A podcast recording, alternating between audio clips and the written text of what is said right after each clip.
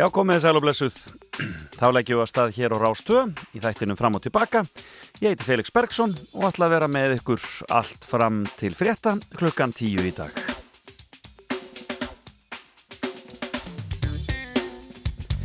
Já, blöytu morgun í höfuborginni og eh, já, þetta er búið að vera doldið blöytt hjá okkur í vikunni og verður sannig áfram, það er ekki annað að heyra. En við brósum í gegnum rikningatárin og ég vona þið hafið það sem best þarna á norðausturlandi mér sýnist að það sé, sé svona búið að vera besta veðrið um helgina og öruglega uh, heilmikil heilmikil stemning hjá ykkur þar. Um, og svo er spurning hvernig það verður það sem eftir eftir liðu vikunar, já já, getur setja tölur og greinilega æðist þetta við að koma, já, fyrir norðan og austan. Ó, spennandi. Þannig að uh, þeir sem allir eigið ennþá eitthvað eftir að fríinu og allir á ferðina Ég held að sé Austurland og Norðausturland sem að sé málið svona minnstakosti á uh, mánudaginn og þriðudaginn. En uh, þetta er svona, svo bara uh, þróast þetta áfram og um, við sjáum bara hvernig þetta verður. Hjá mér í dag, ég ætla að fara í fimmuna með frábærin gesti hér og eftir. Það er Marta Maria Jónasdóttir sem hefur getið sér gott orð sem Marta í Smartlandinu sem er núna á mbl.is. Hún er með stór skemmtilega fimmu, hún ætlar að segja mér af fimm lögum sem tengjast fimm vinnustöðum sem hún hefur unnið á. Það er gaman. Ég ætla að rifja síðan aðeins upp eh, þáttinn frá í gerðkvöldi, stolt í hverju skref og spila eins tónlistin úr honum og, og svona aðeins að rifja það upp. Það var flottu þáttur í sjónvarpun í gær í eh, tilöfni af uh, uh, hins eintögum, Reykjavík Pride eins og það er kallað í dag og, uh, og svo er það Amari Spartaksins Eh, aldrei að vita nefn að ég ná í eitthvað ammælisbart sem að eh, ég ætla ekki að segja ykkur hvað er. Ringi eitthvað hér úr stúdíónu hér í efstaleitinu þannig að já, við skulum bara hafa það hugulegt verið með mér eh, þessa tvo tíma, hangur til hann Jón tekur við. Og við skulum byrja á mikilli eh, mannreitinda hetju Hörður Torfarsson byrjar þetta hjá okkur. Þetta er nú eitt af hans allra bestu og allra fyrstu. Þú ert sjálfur Guðjón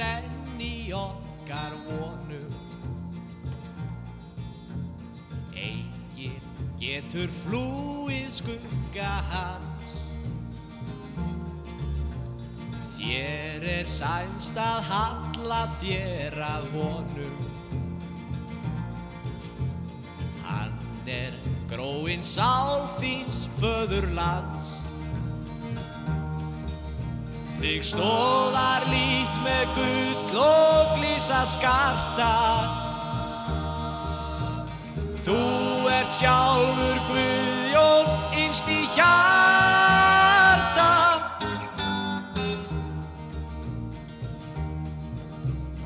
Ungan lérstu sverta þig og svíkja. Þú sást neyð þá hver margt er blekking tál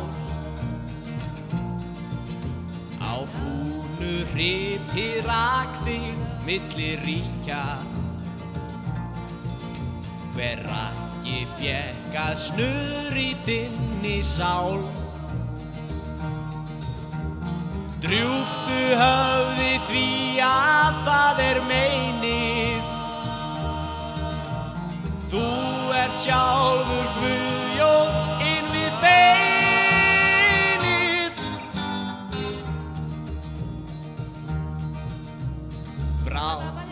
skín í Guðjón gegnum tárin.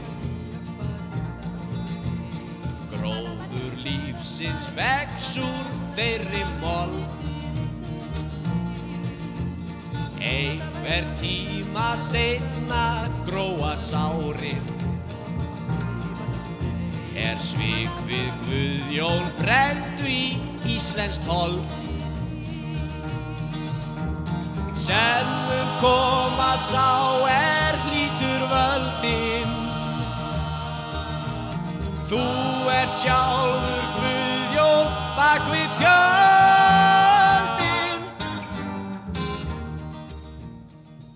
Þetta er algjör snill. Þú ert sjálfur Guðjón. Þetta var að sjálfsögðu Hörður Torfarsson þarna. Og um, e, ljóðið eftir Þórarinn Eldjórn. En e, Marta Maria Jónasdóttir er gestur minn í fimmunni og hún er að koma sér fyrir hjá mér og þar sem að fimmann er tónlistatengt þá ætlum við bara hreinlega að byrja hér á þetta ekki mjög vel við þessa helgina.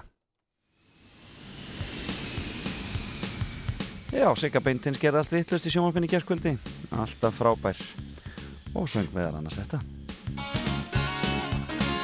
Og svo förum við Marta Maria að rappa.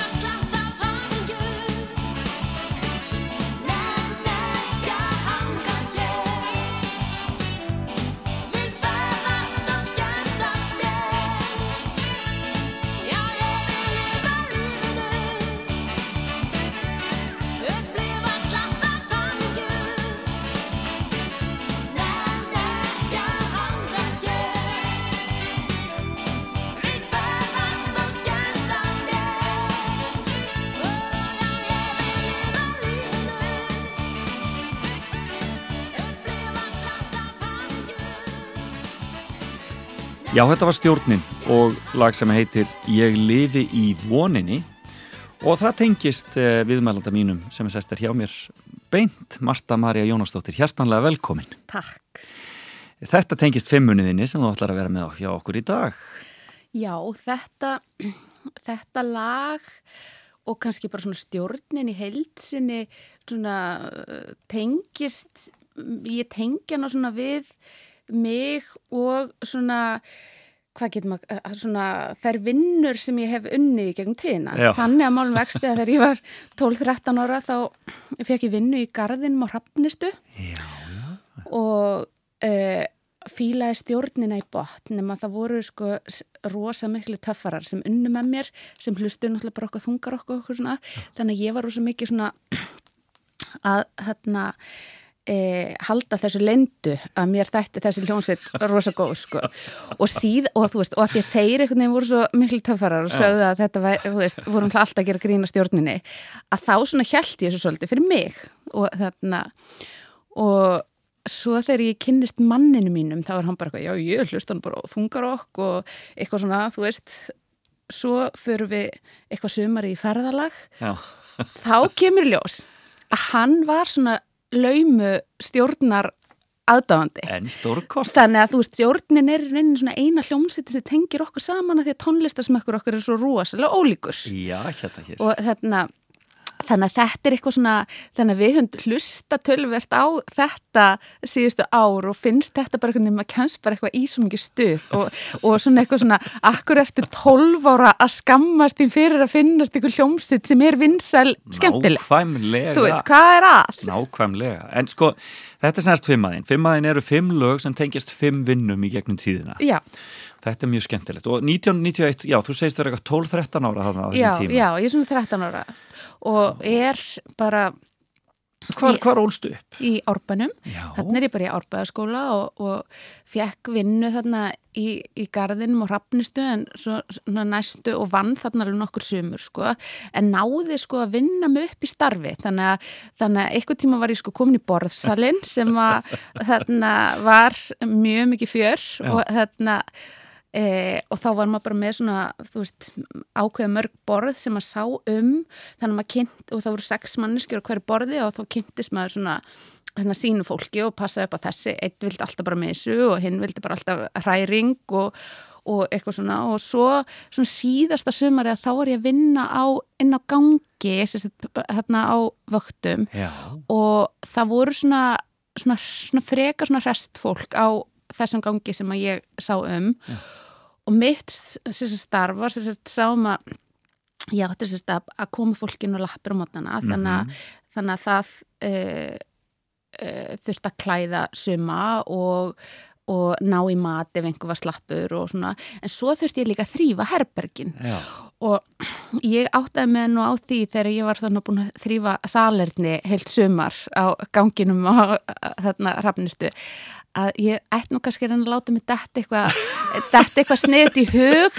Og ég var ekki alveg svona í powerbaseinu mínu Já, þegar það sem ég var í, í þessu. En, en, en hins vegar fannst mér gaman að tala við já ég, fólki fann, hver- hvernig, hvernig tengjur við gamalt fólk og þarna svona unglingsárunum? Já, mér fannst náttúrulega bara hana, e, mér fannst náttúrulega áhugavert hvað sumi voru svona ge, geðstyrðir. Já, og ég var alltaf að reyna að skilja akkur er væri þannig. Og, og þú veist, það er náttúrulega alltaf einhver saga eitthvað staðar og þarna það hefði til dæmis verið mjög gott að vita á þessum tíma að þegar við eldumst að þá fer filterinn svona uh, þannig að fólk kannski er svona hreinskilnara og leifir sér kannski bara vera meira eins og það er Já, og, og, og svona e, en þetta var mjög, mjög gaman og, og, og svona e, ég hugsa nú með mér að ég myndi nú ekkert kvíða því að fara á elli heimili ef þetta, ef þetta er þið svona eins og var á þessum gangi á þessum tíma Nei, nei, akkurat. En þetta var náttúrulega verið bara, en þú ert náttúrulega með sjóara í kringum þig svolítið, þannig að þetta, svona, þetta var hrafnista náttúrulega Já, svona sjóara, sjóara heimili. já, já Þannig að þú var ekki að talað um þau mál við, við, Já, við, við, já. liðið þarna. Já, já, það, þetta voru einhverju gamlir skipstjórar og, og, og eitthvað þannig Já. að, þannig að þeir höfðu ymsa fjöruna svopið, ger ég ráð fyrir Skemmtilegt. Heyrðu, hvað kemur svo næst? Það, það, sko, þú, þú ert þarna nokkur sumur þarna en svo ferð að vinna hvað grænum kosti, segir Já, svo fyrir ég að vinna á grænu kosti og það var í ra- rauninni svona algjör bylting vegna þess að e, á þessum tíma e, þetta er svona ég er svona átján ára sirka þegar ég vin, fæ vinna á grænu kosti og ég fæ sérst vinna á grænu kosti vegna þess að móður sýsti mín Valentina Björnsdóttir sem er fórstjóri móðu náttúru sem að framluna græmitisrétti Já. hún var sérst að vinna þarna Já, í eldúsinu og, og, og þess að rettaði mér vinnu. Og þetta var svo svona magnaður staður fyrir svona, þú veist, ung, ungmenni sem er að mótast vegna þess að það voru einhvern veginn allir sem voru að vinna þarna voru í einhver svona sjálfsvinnu. Já. það voru, þú veist, það voru einhvern veginn, þú veist, eh, það voru einhvern veginn allir einhvern veginn e, í einhverju þerapíu, hættir að borða sigur, borðuðu ekki kveiti og eitthvað svona og, og, og voru einhvern veginn á einhverju svona vegferð sem mér fannst svo áhugaverð. Og, og, svo lærði ég mjög mikið svona lærði að elda og þú veist, það var alltaf að vera búa til alls konar geggjaða græmmitisrétti og, og eitthvað svona og ég bý svo að því að hafa verið að vinna þarna og, og ertu græmins að þetta í kjölfærið? Nei, nei, nei, en, nei. Veist, en, en ég er samt mjög svona, ég mjög svona hlind svona mat Já, og mér finnst svona, þú veist uh, þú veist, þetta, þessi stað var mjög mikið á undarsinni samtíð sannarlega, sannarlega. Og, og svona uh, heimunum verður líklega aðeins betur stattur ef að það verður aðeins meiri svona grætt kostur í lífi fólks.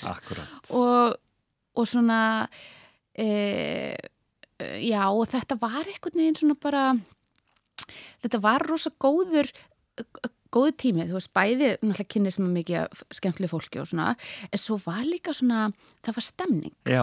Og, og, og stemning tengist náttúrulega ofta til um tónlist. Já. og þá uh, á þessum tíma þá var náttúrulega ekkit Spotify eða neitt þannig.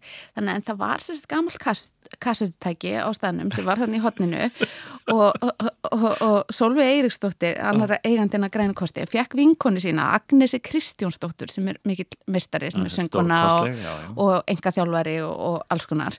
Og Agnes bjóð til svona spólur til að, til að svona mixtape sem að við spilum á grænu kosti Já. og á þessum uh, spólum var sagt, Erla Þorsteins Villi Vil Elli Vilhjáns, allir þessir gamlu meistarar Já. og þetta bara ómaði sko bara allan daginn og svo voru bara voru við með sko það voru fullt af spólum sko. Og maður var alltaf að passa, svo, svo mani að kassetutæki var orðið svolítið svona klístra vegna sem maður kannski einhvern veginn hérna, í einhverjum hönskum að gera eitthvað en svo þurfti að snúa spólunni við. Þannig að þetta var þarna, þannig að þarna kynntist ég svona tónlist sem að ég hefði ekki undir neinum öðrum kringustafum kynst. Hvað er þú að heyra með Erli Þorsteins? Uh, það eru mjög mörg góð lög með henni en ég held svona að lægið hvers vegna svona, sum, uh, svona rammi inn þessa stemningu sem að var í gangi á grænum kosti á þessum tíma. Við skulum heyra smá erlu.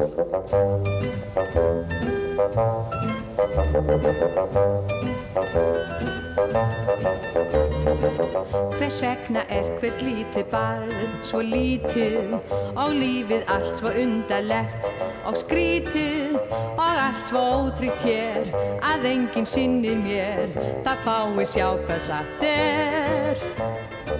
Ég vil að börnin fáið að fæða stærri um fermingu það gæti láti nærri. Því eftir sjálfum sér að býða erfitt er það fáið sjá hvað satt er það fáið sjá hvað satt er. Þá feldi enginn framar tár því flestu væri breytt og enginn pappir þið sár og enginn mamma þreytt Ég vil að börnin fáið að fæða stærri. Um fermingu það gæti láti nærri. Því eftir sjálfum sér að býða erfitt er. Það fáið sjá hvað satt er. Það fáið sjá hvað satt er Já, Erla Þorsteins var það og hvers vegna og þetta lag tengist sem sagt veru Mörstu Maríu Jónasdóttur uh, í, á grænum kosti árið 1900, eða svona cirka 1996 Já, svona 96, já, já, cirka En, en, en þetta var ekki samt, var, þessi, þessi tíma er ekkert alveg í rósröðum bjarma hjá þér, það ekki svona mikil romantík? Nei, nei, sko, eða svona þú veist, þessi mentaskóla áru voru alveg fín og, veist, og, og það var æðislegt að vinna á grænu kosti og eitthvað svona en ég líti ekki tilbaka og hugsa bara svona, ó, vá, hvað líf mitt var frábært þessum tíma. Ég upp, upplýði það ekki, Nei. þú veist, það kemur eitthvað tíma miklu setna En sko. þú varst að vinna mjög mikið, þú varst líka að vinna á glömbar, segir mér. Já, ég var sérst, var í metaskóla og var sérst að vinna á grænkosti og á glömbar og uh, einhvern veginn voru þetta svona mjög andstæði pólar. Annars er á grænu kosti var svona fólk, fólki í ljósinu og svo glömbar var fólki svona kannski aðeins meira myrkri. Já. og og mér fannst einhvern veginn miklu gálegra að vinna bara á djamminu heldur en að vera á djamminu. Frekar að fá peninga til þess að þú veist, vera í stemningunni heldur en að, vera sjálfur að kaupa sér fimm í eða Já, akkurat, já.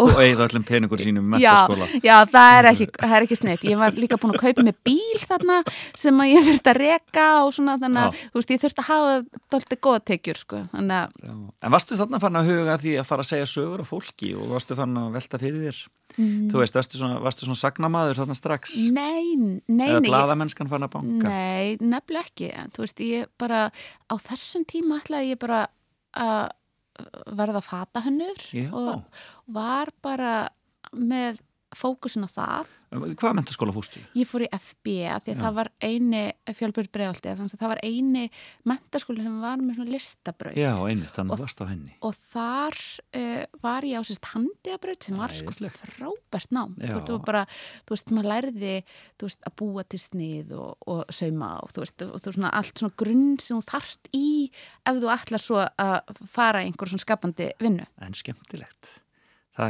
en, en, en, en fóstu svo eitthvað áfram í það? Fóstu í slíkt námi? Nei, nei, svo þarna uh, svo axlaðist það þannig að uh, eftir mentaskóla fyrir ég að vinna í 17 laugavegi Mhm. og ákveð að kaup mér íbúð Já, Þess að ég var bara eitthvað nefnir bara, ok, ef maður á íbúð að þá verður lífmanns gott þannig að ég nákvæmlega sem maður hugsaði þegar maður er tvítu já, já og, og, og, og það gerði það gerði það verkum að, að þú veist, auðvitað hefði örgulega verið hægt að bara taka námslán og gera bæði einhvern veginn, en ég einhvern veginn fatta það ekki þarna. og, og í framhaldinu að, þegar ég er að vinna í 17 að þá fer ég að skrifa vegna þess að Bolli Kristinsson sem að átti 17 á þinn tíma sem að er mikill vinn minn og, Mhm. og hefur svona, verið svona leiðandi hefur, haft, hefur verið svona áhrifaldur í mínu lífi hann leggur það til að ég fara að skrifa pistla inn á nýjan vef sem heitir já, og þá fer ég að skrifa um tísku og eitthvað svona og, það, og ég vissi ekkit, þú veist, ég er bara svona fyrir hlýðin og þarna ákvað bara hlýða bolla, ég heldur nú ekkit að, að eitthvað að segja, vera að segja mikið nei við hann og fer þá að skrifa þessa pistla Já. og það eina sem hann sagði við mig var það, bara eitt hérna ekki móðga fólk í böffalaskóm já Er það því að hann sjálfur notaði þá eða? Nei, þá var bara, sko, Buffalo skór var, var svona tísku strömmur Já. sem að var ríkjandi Einmitt. og eiginlega það sem hann var að reyna svona að summera upp, ekki vera, uh, ekki vera vondi fólk, Nei, þú veist, ekki, þú veist, ekki meiða, þú veist, verður bara, þú veist, þarna, og þú veist, ekki fara, uh, þarna, Þannig að ég einhvern veginn svona hlýði þessu og í kjölfarið að það fæ ég eh, sko vinnu á síðan Já, og þannig leiðist ég út í blaðmennsku og eitthvað svona, var einhvern veginn ekkert búin að áttum á því að það að vera forvitin að maður geti eitthvað unni við það? Nei, akkurat, akkurat. að vera, þú veist.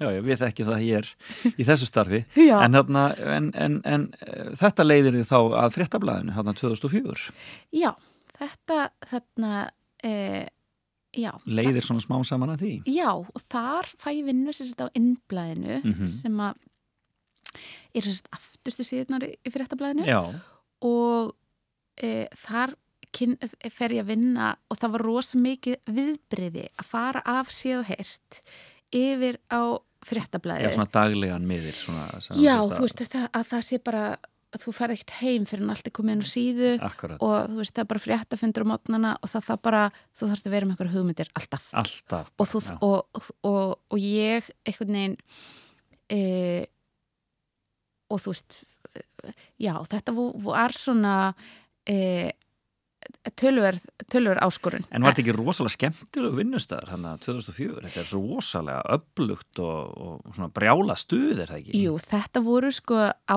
þessum á þessum tíma var ég að vinna með miklu mestrum, ég var að vinna með sko uh, Freyki og Gunnarsinni Já. sem að vinna hérna Rúf og, og, og Þórarni Þóransinni sem að vinnur á fréttbílun núna En það, já, já. og Kristjánu Hjálmarsinni og, og fleirum og á föstudöfum að þá spilum við alltaf lag. Það var alltaf svona þarna, þegar var svona, við vorum að, svona, að loka helginni við vorum líka með helgablaðið og eitthvað svona. Og, þarna, og það var ógeðslega mikið stress og svona þegar við vorum bara svona einhvern veginn kortir í þrótt að þá spiluðu við lægið Rhinestone Cowboy með Glenn Campbell og sungum með. En af hverju? Þetta var eitthvað bara eitthvað svona, þetta var eitthvað svona djókur bara svona sem að þeir voru þú veist, ég er svona datt inn í þeirra brandara Já, og síðan þá hef, hlusta ég bara alltaf reglulega á þetta lag og hugsa til þeirra lílega en skemmtilegt. Við skulum heyra Glenn Campbell. I've been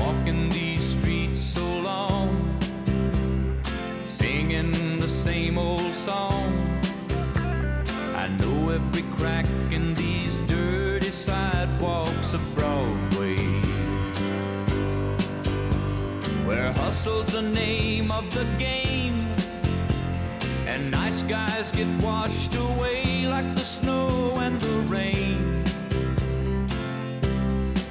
There's been a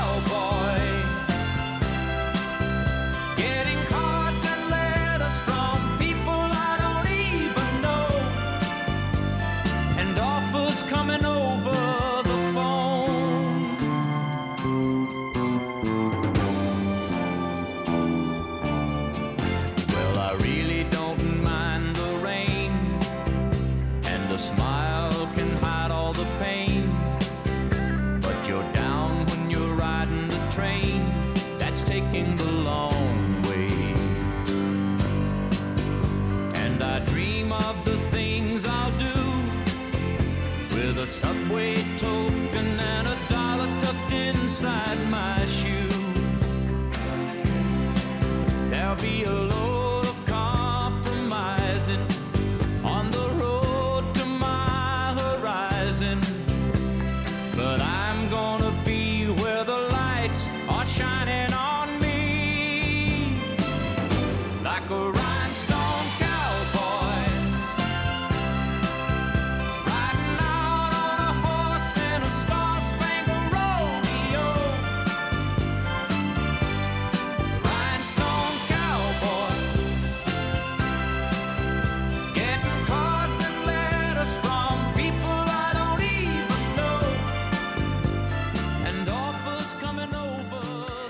Rhinestone Cowboy var það og þetta tengist tímanum á fréttablaðinu hjá henni Möstu Maríu Jónastóttur sem er gestur minn í fimmun í dag og við erum búið með sagt, þrjá staði, hrafnistu, uh, grænan kost og fréttablaðið.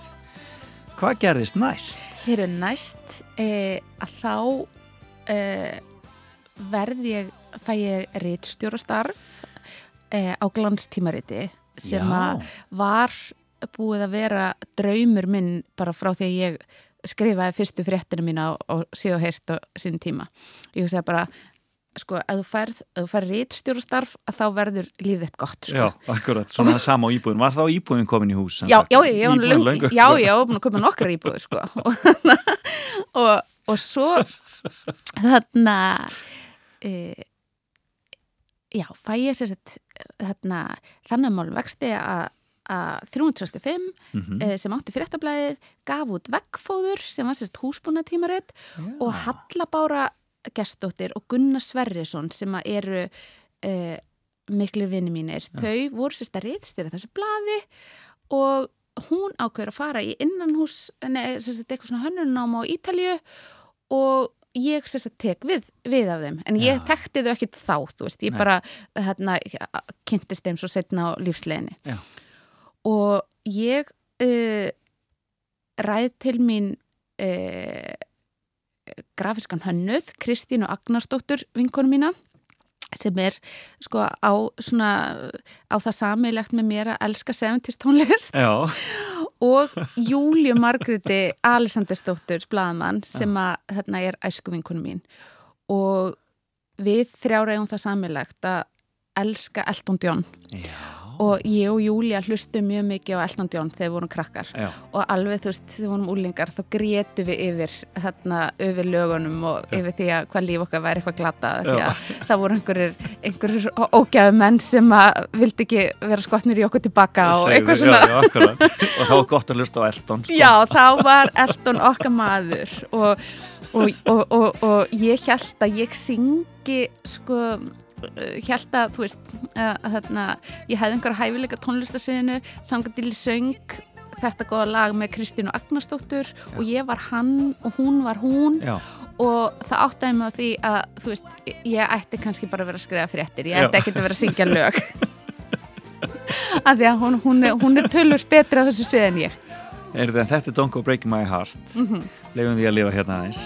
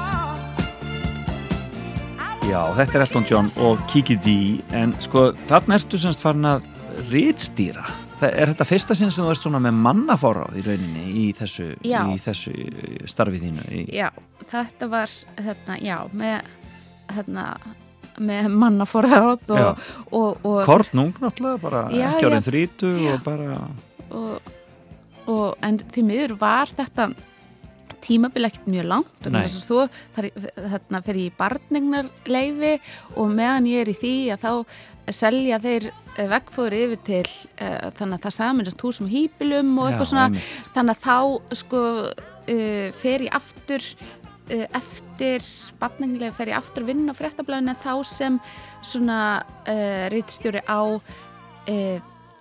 svona sérblöðum sem þeir gá út á föstum eins og sirkus og, og föstu degi og eitthvað svona og þetta er náttúrulega bara rauntímin þarna sem að skellur þarna á bara um þetta leitið ekki Jú, Já. jú, svo, þarna, svo í hrunnu að þá er mér sagt upp Já. á fréttablaðinu og, og í kjölfarið er, Hvernig var svo tilfinning? Hvernig var það? það er náttúrulega bara ömulegt það, en, en, en, en svona eh, ég tel samt að allir ættu að upplifa þetta einu svona á lífsleginni Mm. vegna þess að þetta svona eh, þetta svona hristir upp í hlutunum og, og, og svona fær mann til að hugsa þú veist hvað langa er raunverulega til að gera? Já. þú veist hvernig væri lífið sko eh, í hennum fullkomna heimi? Þú veist hvað myndur gera ef að þú bara styrið því sjálf? Já, og, og, og í kjölfarið að þá fæ ég vinnu á fæ ég símringingu frá bytningarhapsinni sem að uh, er þá að fara að stopna vefmiðlum pressuna. Já, já, já. og, og hann segi að þú mátt bara gera það sem þið langar til að gera. Og bara gera bara eitthvað. Og ég ger bara það sem er skemmtlegt og það varður úr sem vinsalt og sem að gera það verkum að ég fyrir svo vinna á morgunblæðinu tveim ár setna. Og það heitir þá Smartland bara þarna frá Nei, byrjun, það eða hétt veröld mörtumærju á pressunni. Og, og svo þarna fær þetta uh, fær vefurinn nafni Smartland Já. þegar það kemur á morgunflæði og, og þetta er svo hlægilegt vegna þess að þetta var sko e, Smartland var bara eitthvað svona nafn sem að e, var til þegar hús og hýbili kom einhvern tímann heim til mín þar sem ég átti einhverja æla kúl íbúi á laugaveinum Já. og hún var kölluð já, já. og, þarna, og síðan þá hefur þetta einhvern veginn alltaf verið svona einhver brandari Já. og þegar ég ætla að fara að koma með hennar brandarinn á morgunblæðið að þá sagði sko Átni Mattiasson, vinnu minn Já. sem er uh, svona vefstjóri á hérna, hérna MBL hann sagði bara, þetta gengur ekki þetta er bara svo dýraland og barnaland Já, og eitthvað svona já. og, og, við, og ég var sko heila mánuð meðan við vorum að búa til vefin að reyna að finna eitthvað nafn sem verið skárra Já. og eitthvað svona og það kom bara einhver ömul nafn upp í hugan og það endaði með því að, að Óskar Magnússon var, þarna sem var þá Ritstjóra á þessum tíma? Nei, hann var sagt- formað stjórnar? Já, svoleiðis, hann var sérst svona frankantustjóri Já, á þessum tíma akkurat. og hann segir, Marta, ef að þú vilt að vefurinn heitir Smartland þá heitir hann Smartland og ég stend með þér og, og við bara ákomum að kera á þetta og, og það bara Og það hefur nú aldrei blessast. já, Og lifir enn þann dag í dag. Já, ég lifi, lifi mjög góðu, góðu lífi og, og er svona e, já, bara svona maður svona e, já, ég verð alltaf efn hissa þegar ég skoða lestratölunar ég er bara, bara gáttuð á þessu sko. En sko, þarna er stórið svolítið sko farin að vinna með sjálfa þig sem svona í svona, í svona frontunum einhvern veginn. Það er náttúrulega svolítið óvinnlegt með blaðamenn. Blaðamenn er yfirleitt svona svolítið á bakvið en þú ert svolítið svona, þú frontar þetta svolítið. Þú veist, þetta er bara smartland mörtumari, þetta er bara Marta Maria er, skiluru, það er, það er, það er Marta inn í nafninu, skiluru. Þannig að það er svona, er, er, er, hvernig, hvernig, hefur, hvernig, líkar það? Líkar það? Er þetta svolítið svona, sko, það er sko um, maður verður nú bara að passa að vera ekkit eitthvað svona of upptekinn að því nei, þú veist, það er Nei. svona þú veist sko, þegar ég var ungmenni þá hérna e, fannst mér frægir mjög, mjög töff sko já, og þú veist, svona e, svo eitthvað nei, bara tekur lífi við og þá svona er maður bara meira í því að lifa bara svona mjög einföldu lífi og, og bara svona vera helst hvergi. Já, það er svolítið svona þarna og, og, og, svo er Ísland bara svo lítið samfélag það þekkjast allir einhvern veginn og, einmitt. og, og það er nú ekki dapulegur en eitthvað fólk sem er að, sem gengst upp í því að vera eitthvað einhver æli stórstyrnir sko. Já, þannig að, þannig að þetta er eitthvað svona já, þetta er eitthvað svona þróaðist svona ég veit ekki hvað maður getur sagt veist, ég er bara uh, ég þarf bara að lifa með þessu Já, akkurat, já, já, þetta er, bara- þetta er svona vefurinn þinn, en ég meina, en, en ertu að vinna ein eða ertu, komin, ertu með mikið af fólki í kringum þess að vinna Já, með þér á smartlandinu já, já, ég er með mjög góðan hóp og, og, og, og færðu svolítið frjálsar hendur bara með þe þe þennan hluta af já, já, já, já, já, annars myndi ég nú, væri ég nú ekkert í þessu. Nei, uh, sko við erum sko í dag erum við bara reki bara deild sem er með nokkrum blaðmennum Já. og, og, og þessi deild skrifar um inn á dægumál hluta MBL já, já, og þannig að við erum til dæmis með ferðavifin sem er mjög vinsall og, og við erum með barnavifin sem er svona vefur fyrir uh, mömmur og pappa og svona barnauppeldi og svona.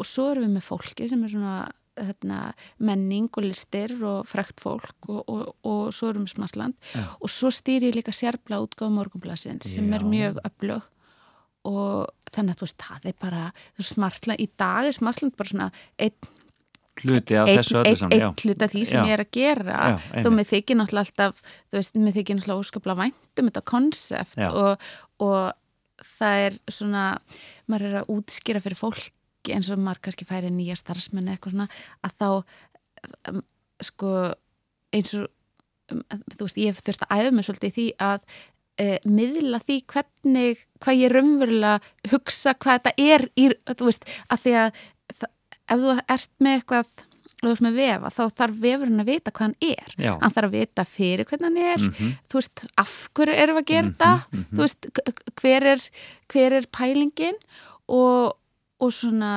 það sem að vakir fyrst og fremst fyrir mér er að skemmta fólki og, og svona svala forvitni þess. Já, og svona e, þegar ég byrjaði, byrjaði e, með Smartland að þá e, vildi ég svo reyna að tengja fastegna vefin til dæmis inn á, inn á vefin og, og, og skrifa í rauninni fréttin og Smartland af fastegna vefnum og þá eru bara tvær reglur.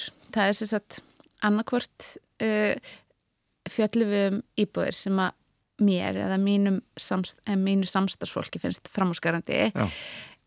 B að það sé einhver þektur Já, sem er að, er að flytja. Þá má vera hvernig sem er.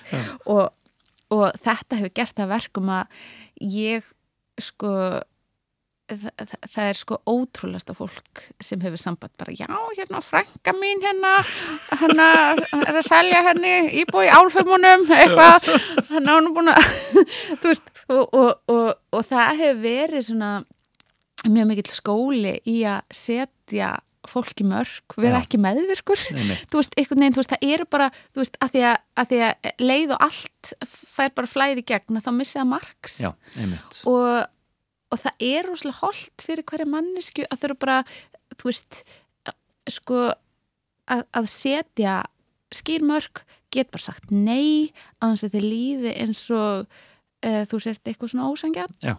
og, og, og þarna er bara þetta er bara ákveð konsept og, og ég meina til að byrja með þegar ég var að byrja á þessu þá voru svona eitthvað fólk einnig hvað klun hafi fengið borga fyrir þetta bara þú voru sko viss um það að ég væri sko bara alveg að, að hala inn peningum þar sem fólk væri að milli færa á mig fyrir einhverju svona fastegna auglýsingar sko En ég meina, þetta er bara, þetta er náttúrulega bara rosalega mikið human interest, þetta er bara það sem fólk hefur áhuga á.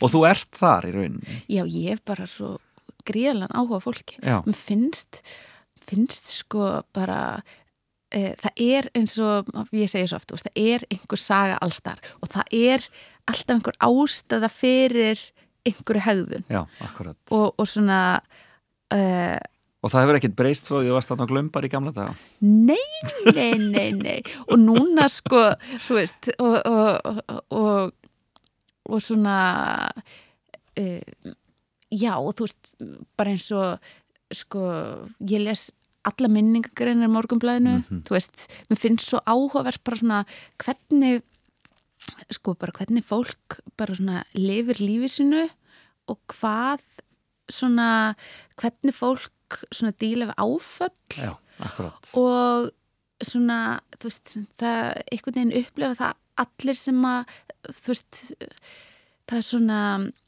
lífi getur bara verið svolítið óþægilegt á köplum Já, já, og, og, og mér finnst svo áhugavert að sjá svona eh, hvernig fólk díla við það. Já, og ég hef svo mikið áhuga á fólki sem að sérstaklega þegar fólk svona ger það besta úr því sem að það hefur Já. eða fær eða þarf að, að díla við. Akkurat. Mjög aðtilsvert. Mikið og rosalega gaman að fara í gegnum þetta allt saman. En tíminn hlupur frá okkur eins og alltaf. En hvað er Smartlandslægið? Það er. Smartlandslægir sko nú fá samstarfskonu mínar þær fá núna, þær fá hjartáfall vegna þess að við erum náttúrulega bara sko e, við erum svo uppteknar. Þú veist, við erum bara, þú veist, það er svo mikið að gera hjá okkur. Við einhvern veginn, þú veist Þið spilið ekki lag á föstum þegar að, Nei, við nefnilega gerum það ekki og þú veist, ég þyrfti í rauninni kannski að fara að gera það en svona, þegar ég þarf að vinna þú veist, svona þú veist, það er svona nokkur svona dag sem ég bara setja mig headphone-in og þú veist, að því það frið að því, og, og það má ekki tröfla þig. það má ekki tröfla mig og, þarna, og þá set ég ól, þá hlusta ég á Ólafju Newton-John Já, það munar ekki um það. Nei, og, og, og, og þetta er sko sko er þetta, þetta lag sem ég byrja alltaf að hlusta það er því mér ekki á Spotify þannig ég hef verið að hlusta á þetta á YouTube. Og þá sko þegar maður, þegar maður uh, sko byrja að hlusta þetta lag þá koma bara svona, kemur svona hver smellurinn og fætur öðrum og, og, og þú veist og þetta svona uh, í þessari runu að þá koma þú veist all, þú veist það verður bara algjör veistla og svo, og, og svo er ég kannski bara búin að skrifa 20 fréttir þú veist bara með búin að fara hérna yfir þarna með hérna alla gömlu meistarana í eironum sko. En lagi sem þú byrjar á er sem sagt Magic Já. Já, þetta er bara besta lagi heimi sko. Marta Marja Jónasdóttir, mikið var gaman að sjá þig og kæra þakki fyrir að setjast með mig niður í fram og tilbaka Já, sumulegis Come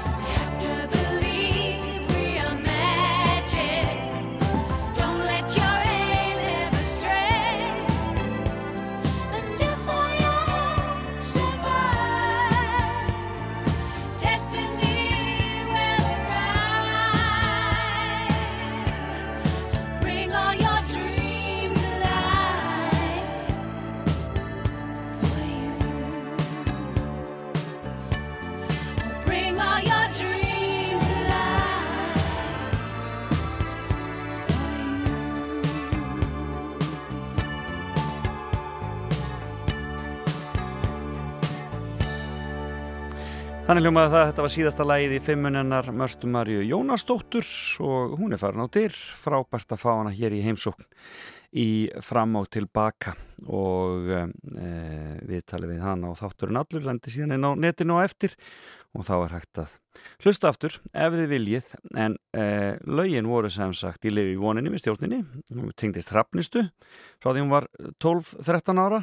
E, e, hvers vegna með Erlu Þorsteinsdóttur frá Grænum Kosti 96 fréttablaðið var það síðan og Rhinestone Cowboy sem hún söng með strákunum þar Uh, síðan Don't Go Break My Heart með Elton John og það tengdist húsbúnaði tímaritunni vegfóðri og svo er það Smartlandið auðvitað sem að hófsta hógöngu sín árið 2011 og það var þetta síðasta lag Olivia Newton-John og Magic Viðar, ég verð að segja þér, hann er bara ótrúlegur.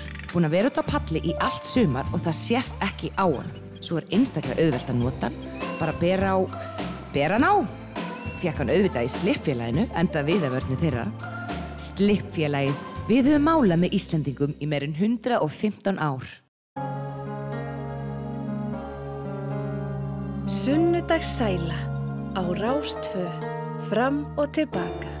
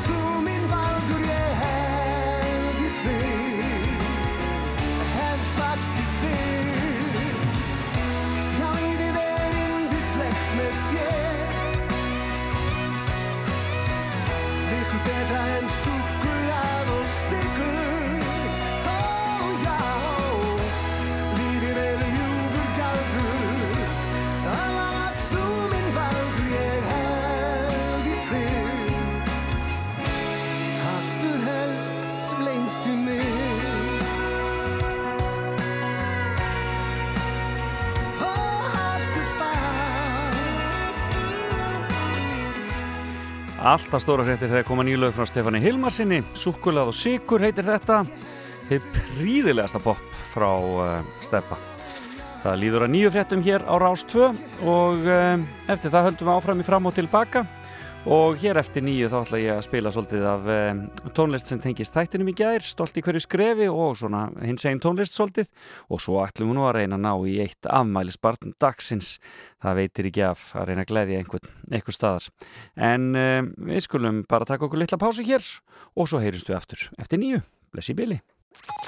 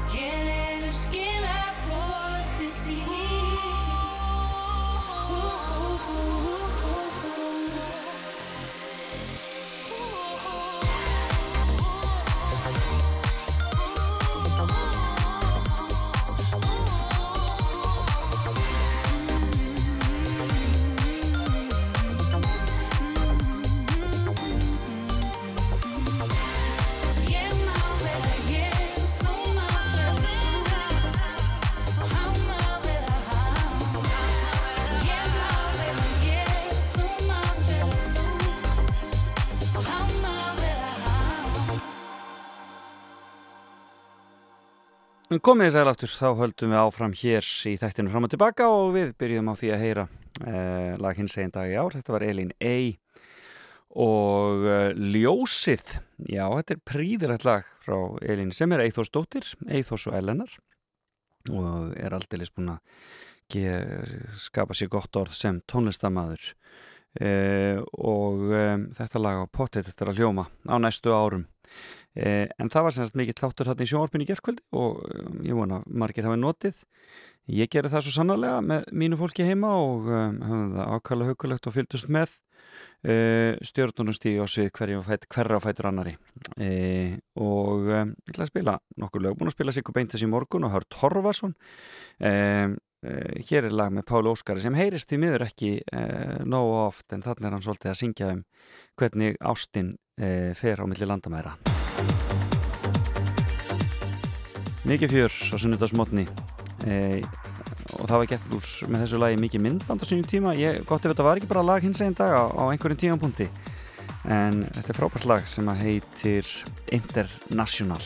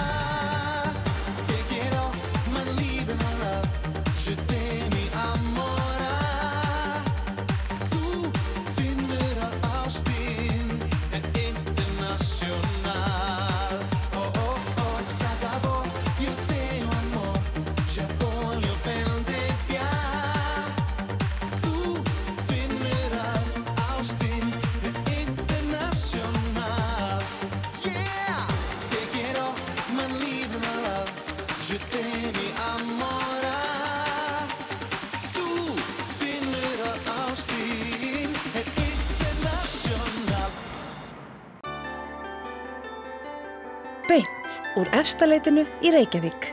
Fram og tilbaka á Rástfö.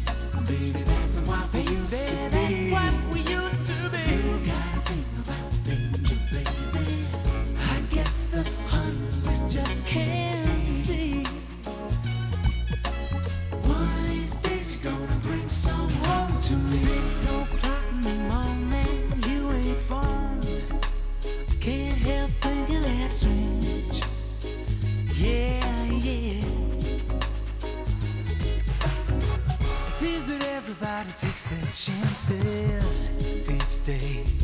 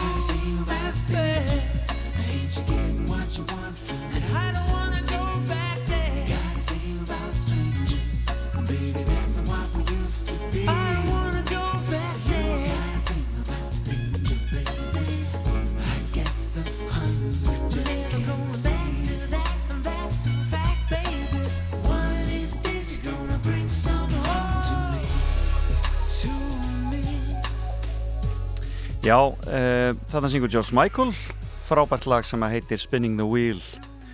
Og uh, hann er náttúrulega svona í setni tíð sérstaklega orðin svona uh, já, einhvers konar íkon í hinsegin heiminum. Og eftir að hann kom út þá einhvern veginn fórum hann að lesa miklu meira í lauginans og lesa miklu meira í textana og þetta er kannski einn af þessum textum sem hægt er að lesa heilmikið. Heilmikið í. En eitt þeirra sem að hefur verið að uh, sérhæfa sig í að syngja lögins uh, George Michael er uh, Friðrik Ómar. Og hann kom fram í þættinum í gær og söng frábærlega lag frá árinu 2006 uh, ástarlag sem hann sagði síðan frá að hefði samið á í flugvél á serviettu Eh, og svona saknaðarlag lagið heitir Farin og eh, hann flutti þetta einstaklega vel. Og hann yngvar píanuleikar og hljómpasleikar var með honum alveg frábær líka hann í gær. Við skulum heyra þetta lag með Freyri Gjómari Farin heitir það. Í fyrstu var ég óreindur og einn með sjálfum mér. Þú byrtist mér svo allt í einu, mér leið svo vel með þér. Ég hafði aldrei fundið neitt svo stert og vissi hvað það var. Sem hjælt þér fast í huga mér og í draumum er ég svaf. En núna ertu farinn og ég sé þig ekki meir mínu farinn en samt svo næri trúðu mér. Hvers vegna ertu farinn við eigum saman svo margt. Ertu alveg farinn ég fæ ekki trúa því. Nú ég hugsa oft um það hvað við mistum margt á því sem að skiptir máli að vera alltaf til taks. Ég fæ það loksins skilið nú hvað hjartan getur snert. Og ef að ástin knýr á dyr þú getur fátt eitt gert. Nema fylgja þínu hjarta núna ertu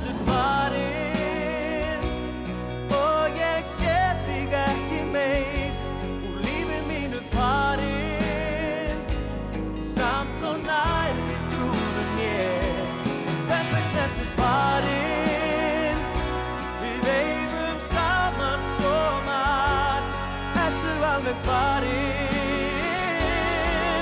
En í einni svipan breyttist allt. Þú hörfaðir allt var svo kallt en í dag ég fæ ég trúa því að allt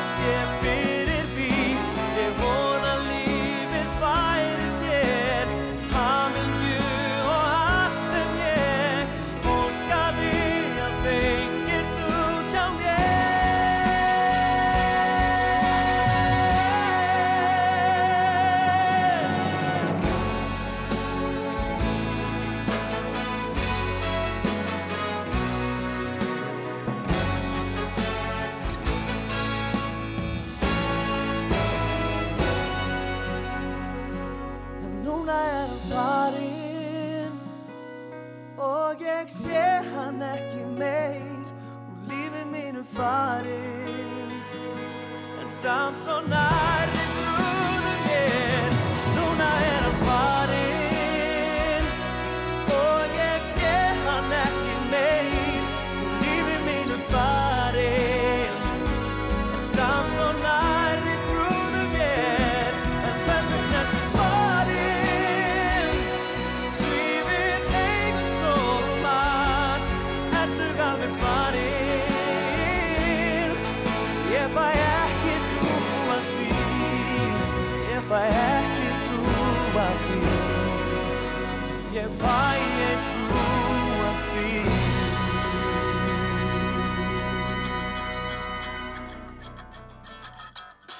Já, þetta var Friðrik Ómar.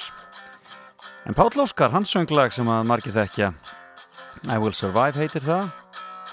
Og um, hér er mjög sérstök útgáfa með hljónstinni Cake. Frábært lag. At first I was afraid, I was petrified. I kept thinking I could never live without you by my side. But then I spent so many nights just thinking how you'd done me wrong. I grew strong. I learned how to get along, and so you're back from space. I just walked in to find you here without that look upon your face. I should have changed my fucking lock. I would have made you leave your key if I'd have known for just one second you'd be back to bother me.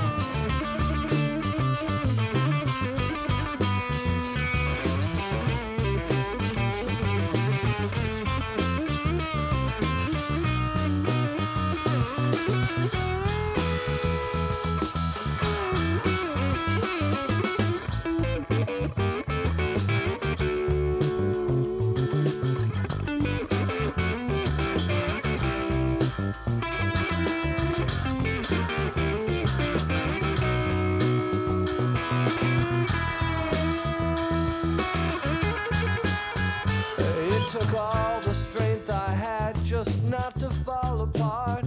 I'm trying hard to mend the pieces of my broken heart. And I've spent oh so many nights just feeling sorry for myself. I used to cry. But now I hold my head up high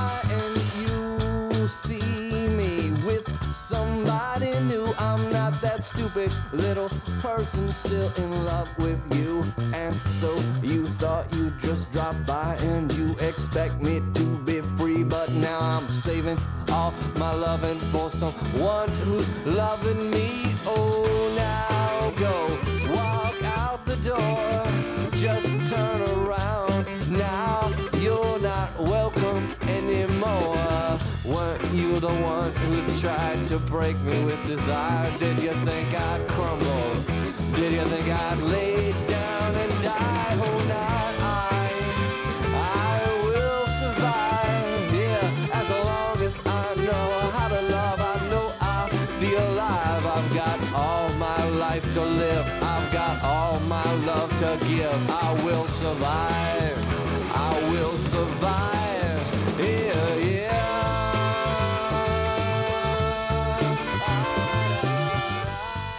Já, þannig ljómaði það. Þetta var um, I Will Survive með hljónstinni Cake.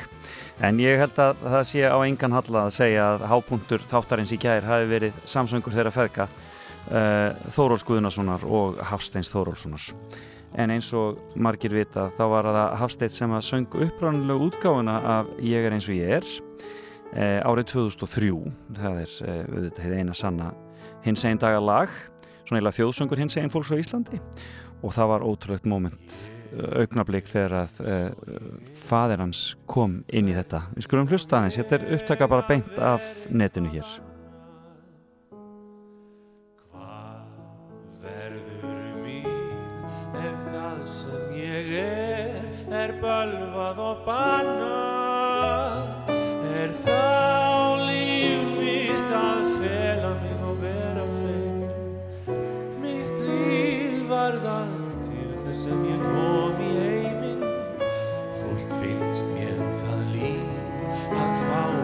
ekki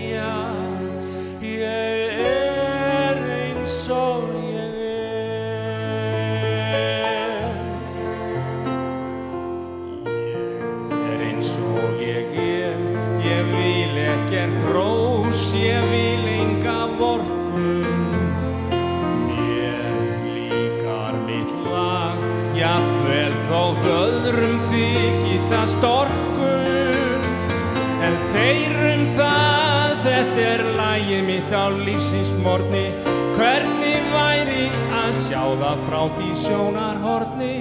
Fúlt er félum hans líf fyrr en er hrópað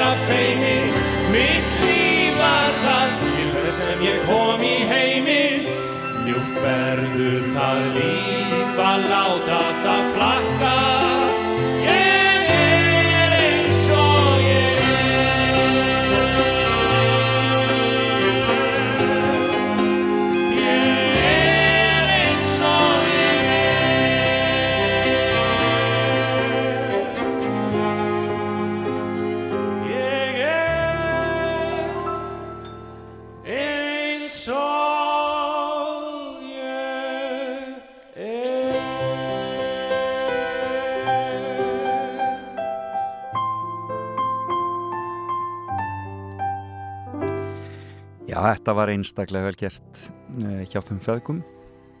Og uh, já, og skipti Í, fólk mjög miklu máli. Það er bara, það má segja að samfélagsmiðlar hafi algjörlega sprungið í gerskveldi þegar þetta fór út. En þetta voru sem sagt þeir Hafstið Þórólfsson og Þóróli Guðnason að syngja. Ég er eins og ég er. Og læti þar með þessari umfjöllun um þennan fína þátt í sjónvarpinu gerskveldi lokið. Og um, en hann má finna hann auðvitað á netinu eins og allt annað efn okkar hér á rúf og svo minni ég á að í kvöld verður heimildamind frumsýnd, þetta er ekki búið þessi hins einu vika í sjónvarpinu. Það verður uh, heimildamind í kvöld um gleðigöngun í 20 ár sínd uh, í sjónvarpi okkar allra landsmanna og uh, það er mynd úr smiðju uh, Krummafilms eða Hrafnhildar Gunnarsdóttur sem er frábær kvimda gera maður en látum þetta næja í byli Þú ert að hlusta á Fram og Tilbaka með Felix Bergsinni á Rástfö. I can see the change. Come what may, I won't regret the day. Can see the change. Feel the pace of everything. Who am I, teary eyed? Who are you in your life? Are you dumb enough to pass the time? Oversold and out of. No, it's not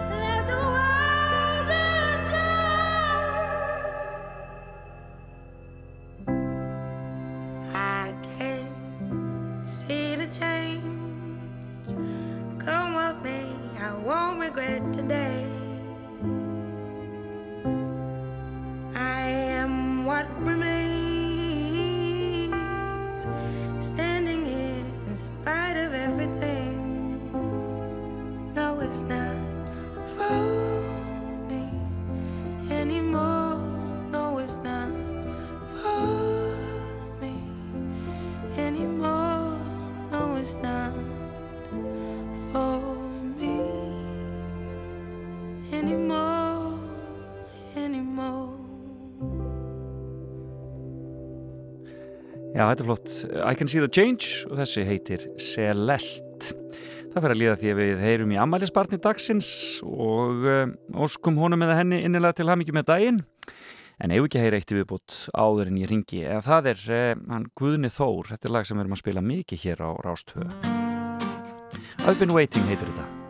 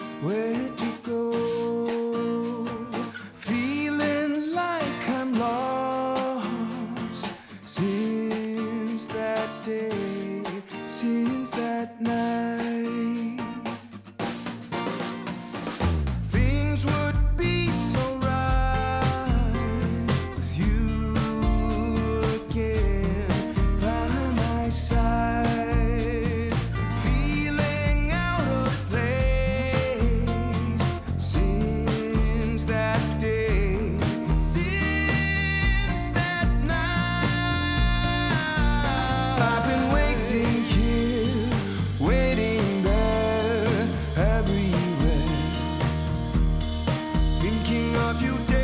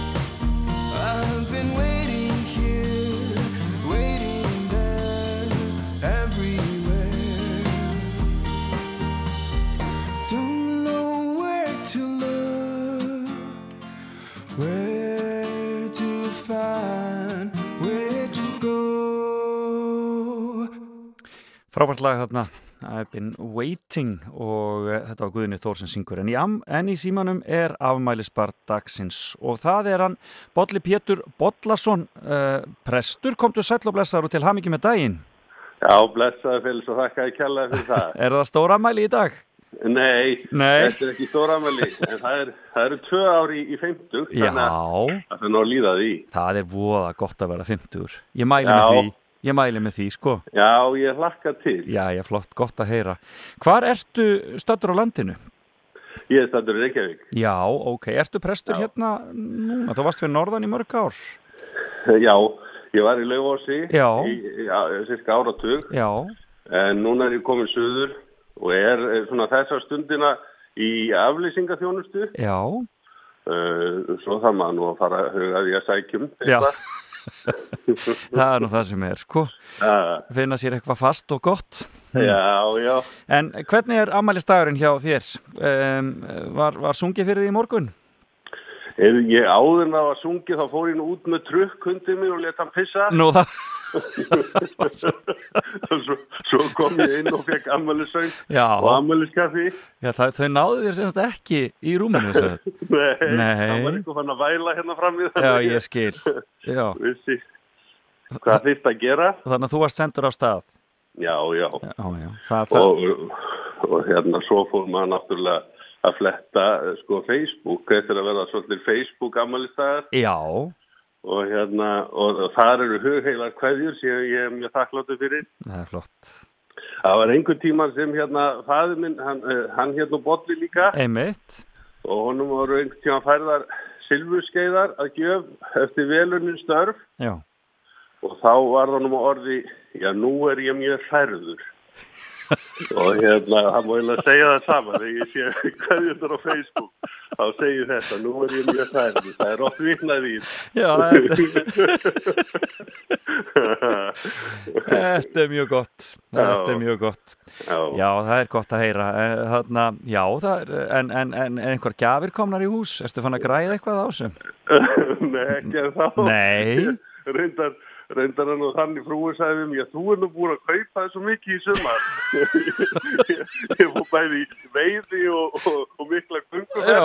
með, með, með tilherandi kostnaði og útbúnaði. Já, þannig að hún er alveg saminskuleus henni finnst ekkit þú er búin að sjá um þetta sjálfur. Finnst þú ekki þorfa neitt? Já, hérna, hér Nei, annars ber hún hlýjan hug til mín Já, já Já, Já, ég, þetta, ef ég fengi ekki ammæliskjöf, það væri skilnaðasök, sko. já, já, jú, jú, ég býð, ég veit að dóttir minn allar að að í samfélagi við móðu sína í dag að baka súkulæðköku Já, það hljóma vel. og svo ætla ég nú að, ég að sjá um fermingaraftöp Já, og ferma fyrir góða vinni. Og er Og það, hérna. er það, og er það, það er hægt sem sagt, það er verið að ferma. Já, það er, það er nú gert svona með, með sóttvarnareglur í huga og, og passa upp á fjöldan og, og, og fjallæð og allt þetta. Akkurat. Það er bara, já, menn, menn leggja bara það á sig sko og, hérna vilja endilega halda góða stund meðan að þó ástandi er ekki orðið verra Nei, akkurat. og ekki orðnar harðari reglur, maður veit ekki, þetta er allt eitthvað svo óvíst. Akkurat, skrítnir Já. tímar, skrítnir Já, tímar sannarlega. Já, En, en uh, Bolli, það var einstaklega gaman að heyri í þér og aftur innilega til hamingi með 48 ára amælið. já, kæra takki fyrir það. Byðum kærlega að heilsa fjölskyldinu og, og, og, og þarna, ég hvet þau til nú að fara að finna eitthvað út úr sem amælisgjafirnar, sko, mér finnst þetta Já, já, já, já. já. Ég, ég verð mjög hvetjandi sjálfur, ég er svona hammælisgjafa kapp, sko. Kæra þakk fyrir spjalli, gaman að heyri þér og njóttu dagsins. Já, bless, bless, bless, bless.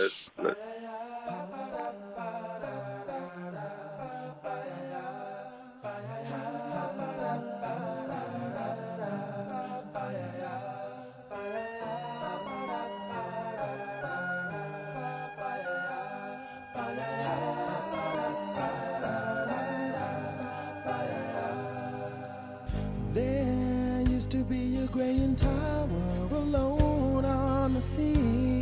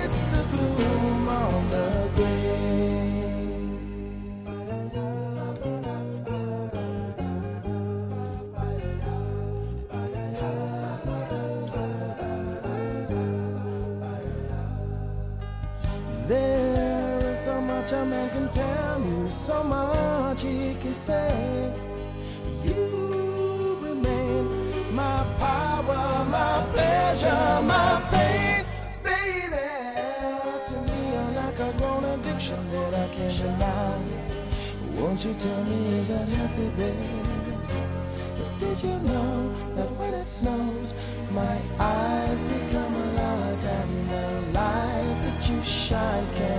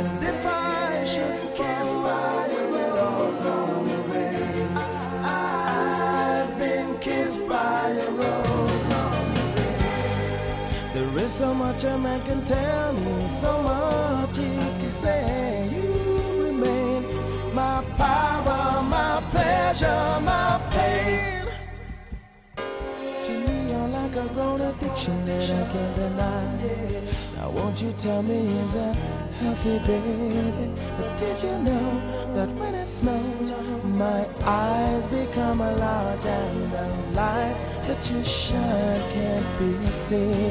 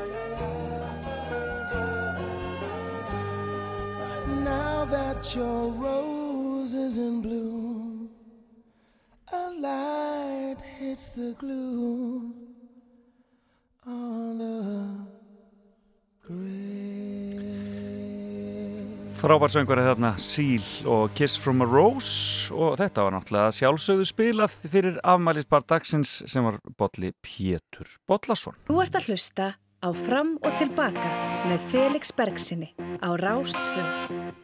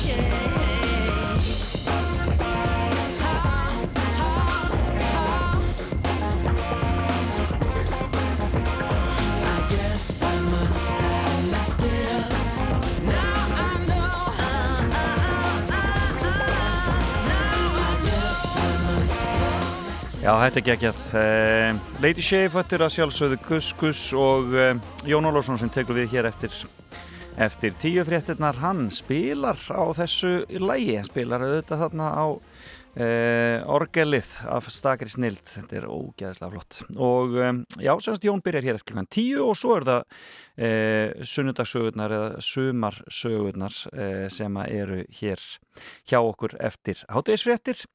Geimt en ekki glemt verður síðan á sínum stað þarna klukkan fjögur í dag og það er Sprengjuhöllin sem verður þar í, og tímatnir okkar, platan þeirra og það er Lóvísa Rút Kristjánsdóttir sem ætlar að ræða við meðlimi e, Sprengjuhöllarinnar. Aldamót og poppararni verður á sínum stað eftir kvöldréttirnar á milli fréttar sem sagt og svo undir aldan í kvöld. Þannig að það er mikil dagskraframöndan hjá okkur hér á Rástvö eins og alltaf á sunnutugum og svo minni ég á í kvöld e, e, sjómarsdagskrána það er frumsýning á nýri e, íslenskri heimildamind Fjadrafók heitur hún og það er e, Rafnildur e, Gunnarsdóttir sem að e, stendur á bakvið það og Krummafilms og það er sem sagt saga gleðugöngunar í tvo ára tugi sem að er þar undir og svo náttúrulega verða allir að horfa löfandir fjölskylduna, þetta er að verða æsi spennandi hvað verður um unga uppreisnar fólkið, mann er líst bara ekkert á þetta sko,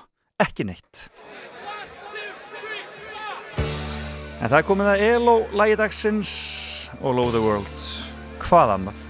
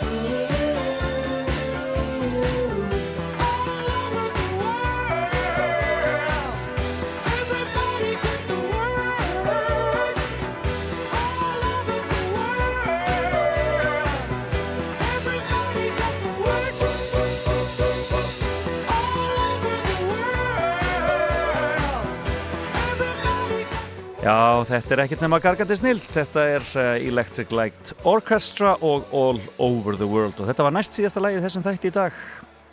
Þakka frábænum viðmælandum mínum í dag, Martu Maríu Jónasdóttur fyrir fimmuna hennar. Hún verður komin inn á netið fyrir en varir og uh, svo ringdu við í dásamlega skemmtilegt amalisbar dagsins Bolla Pétur Bollason. Prest og heyrðum aðeins í honum og reviðum upp þáttinn síðan í gerkvöldi. E, stolt í hverju skrefi, frábær þáttur þar á ferðinni. En við skulum enda þetta með e, einhverju all bestu hljómsveit Íslands, Moses Hightower og nýja lagi þeirra sem heitir Stundum. Jón Ólafsson tekur við eftir smá stund, Felix Bergsson kveður í byli heyrjumst eftir viku. Kimsteinn sem gæti þurft að slípa Vel hærður og tendur Vel hirtur, vel ægt bókar færður Vel vinklaður, bein Og fyrir lengu laus lús og nýtt Hár og sklór og Stundum, stundum, stundum, stundum,